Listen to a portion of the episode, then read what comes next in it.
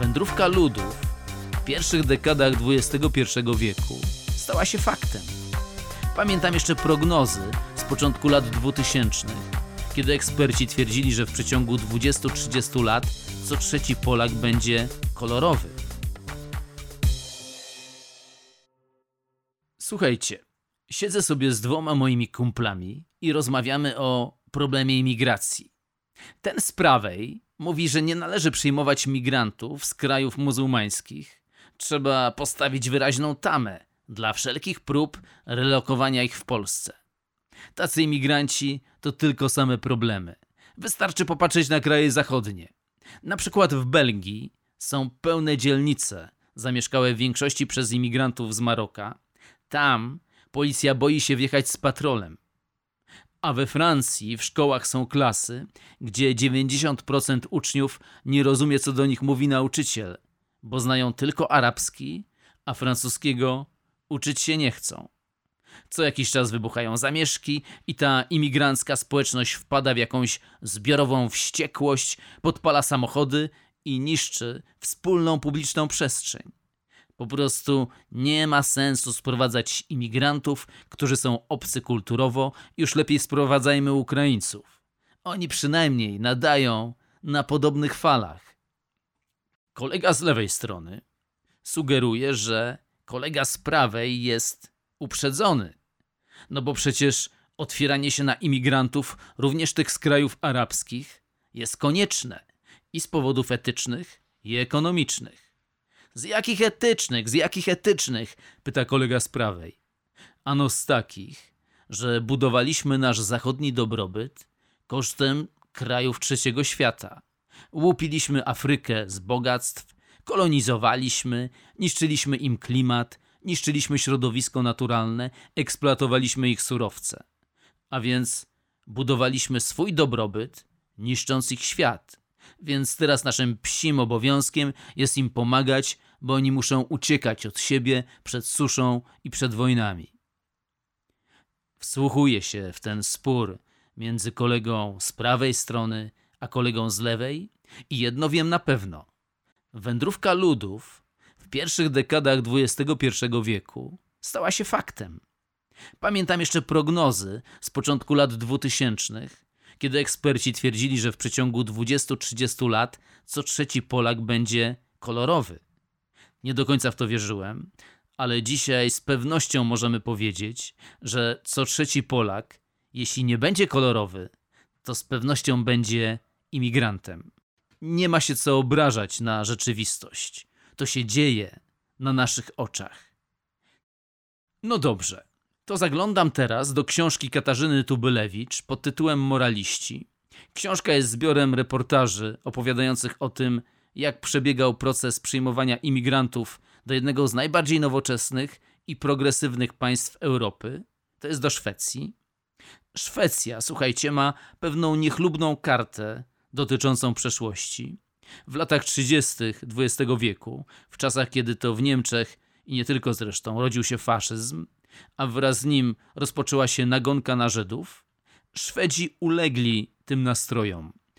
Państwo szwedzkie miało bardzo niechętny stosunek do przyjmowania żydowskich uchodźców z nazistowskich Niemiec. Wielu żydowskich specjalistów nie mogło znaleźć w Szwecji pracy tylko dlatego, że byli właśnie Żydami. Do paszportów niemieckich Żydów Szwedzi wbijali pieczątkę z literą J, czyli Judę.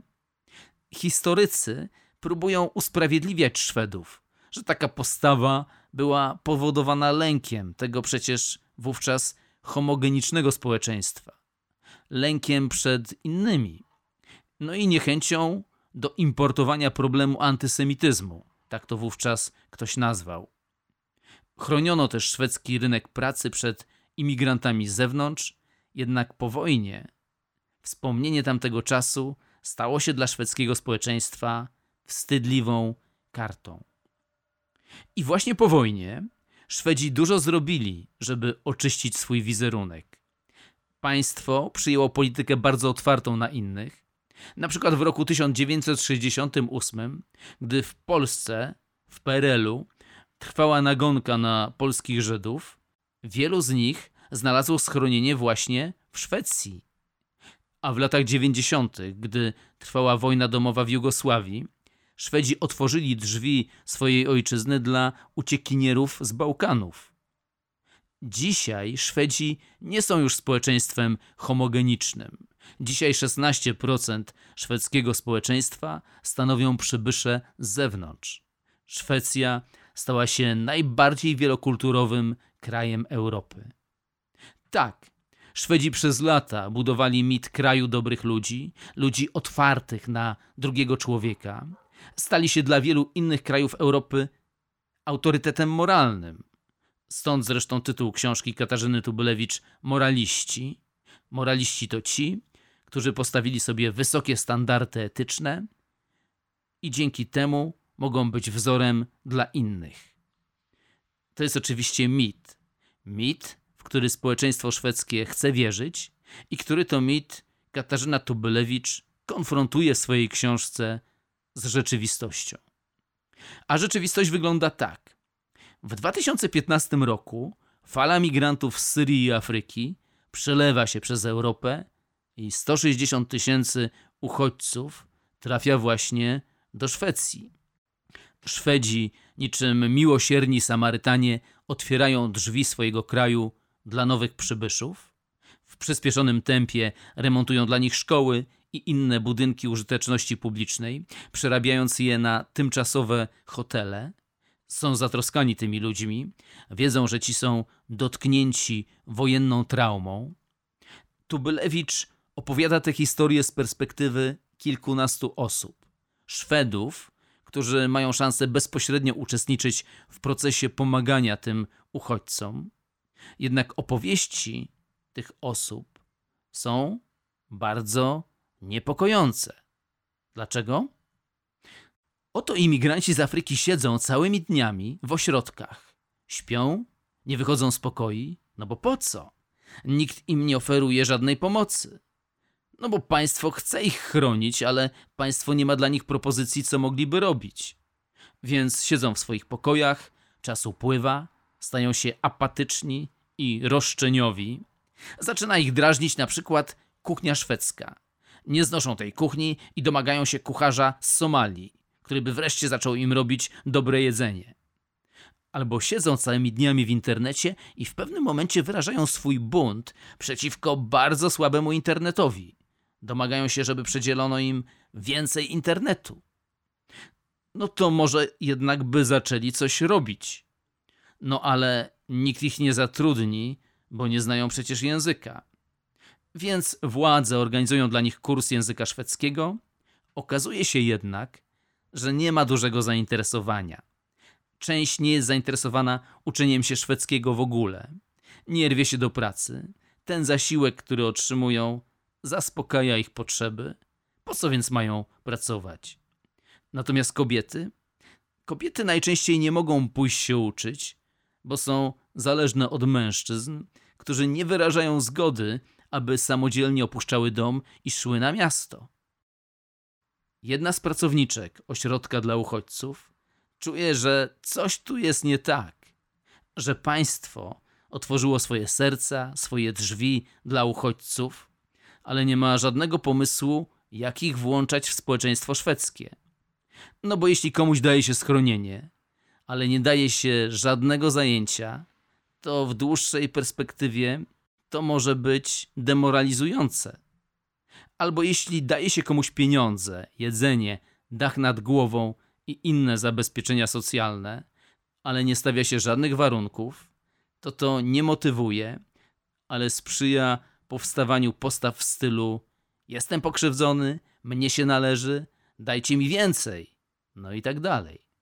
Właściwie opowieść Katarzyny Tubylewicz jest opowieścią o tym, jak nieudolnie jest prowadzony proces asymilowania imigrantów, jakby w tej sprawie decydowali ludzie, którzy mają tylko dobre serce i pieniądze, ale nie mają żadnej wiedzy o ludzkiej psychologii. A psychologia mówi, że jesteśmy lepszymi ludźmi i bardziej zadowolonymi z życia, jeśli musimy na coś zapracować. Jeśli wszystko otrzymujemy za darmo, to tego nie doceniamy, no i zgłaszamy roszczenia, że należy nam się więcej. W opowieści Katarzyny Tubylewicz pojawia się jeszcze jedna rysa na wizerunku szwedzkich moralistów. Oni, jak już zadeklarowali, są bardzo otwarci na innych. Jednak okazuje się, że biali Szwedzi nie lubią mieszkać w pobliżu kolorowych przybyszów. Głównie z tego powodu, że ich dzieci muszą chodzić do szkoły z dziećmi imigrantów. Wiadomo, wtedy poziom nauczania się obniża, więc nasi biali Szwedzi wyprowadzają się z dzielnicy, w której mieszkali dotychczas, do takiej dzielnicy, gdzie nie ma imigrantów. Efekt jest taki, że tworzą się w szwedzkich miastach imigranckie dzielnice i dzielnice zamieszkane przez rdzennych białych Szwedów. W dłuższej perspektywie to nie wróży dobrze. Getta etniczne, jak wiadomo, się nie asymilują, stają się przestrzenią, gdzie rośnie bezrobocie, rośnie przestępczość i generuje to poważne problemy dla państwa i dla społeczeństwa. A poza tym, czy to nie pachnie zawoalowanym rasizmem? Nie mamy nic przeciwko obcym, pod warunkiem, że nie musimy dzielić z nimi troski dnia codziennego. No i przy okazji, nie chcąc posłać swojego dziecka do klasy, gdzie są kolorowe dzieci, czujemy się chyba przedstawicielami wyższej kultury, wyższej cywilizacji. Czyż tak nie jest? Tak już na koniec chciałbym powiedzieć jedną rzecz. W jakim sensie, słuchajcie, wszyscy jesteśmy imigrantami. Bo czy zastanawialiście się, w ilu Polakach płynie krew chłopska? Przecież większość z nas jest potomkami chłopów, którzy po 1945 roku migrowali ze wsi do miast. A przecież nasi chłopscy przodkowie jeszcze do początków XX wieku często nie czuli się w ogóle Polakami. Byli po prostu chłopstwem, które nienawidziło Pana, nienawidziło Żyda, ale na skutek pewnych procesów dziejowych nagle katapultowało się do społecznego mainstreamu. Chłopi po 1945 roku, migrując do miast, założyli studenckie czapki, założyli inteligenckie okulary, założyli sutanny, a nawet biskupie ornaty, przejęli geszefty po Żydach, którzy zniknęli w koszmarze Holokaustu, ale o tym może innym razem. Dzisiaj jesteśmy święcie przekonani o swojej polskości. Widać asymilacja do tej kultury, której na imię polskość całkiem się udała. Chyba nie pozostaje nam więc nic innego, jak otworzyć się na nowych nomadów, którzy przybywają do naszego kraju. I to nie jest pytanie, czy ich przyjmować, bo oni tu wejdą tymi lub innymi drzwiami. To jest raczej pytanie, jak w książce Moraliści Katarzyny Tubylewicz, jak ich przyjmować?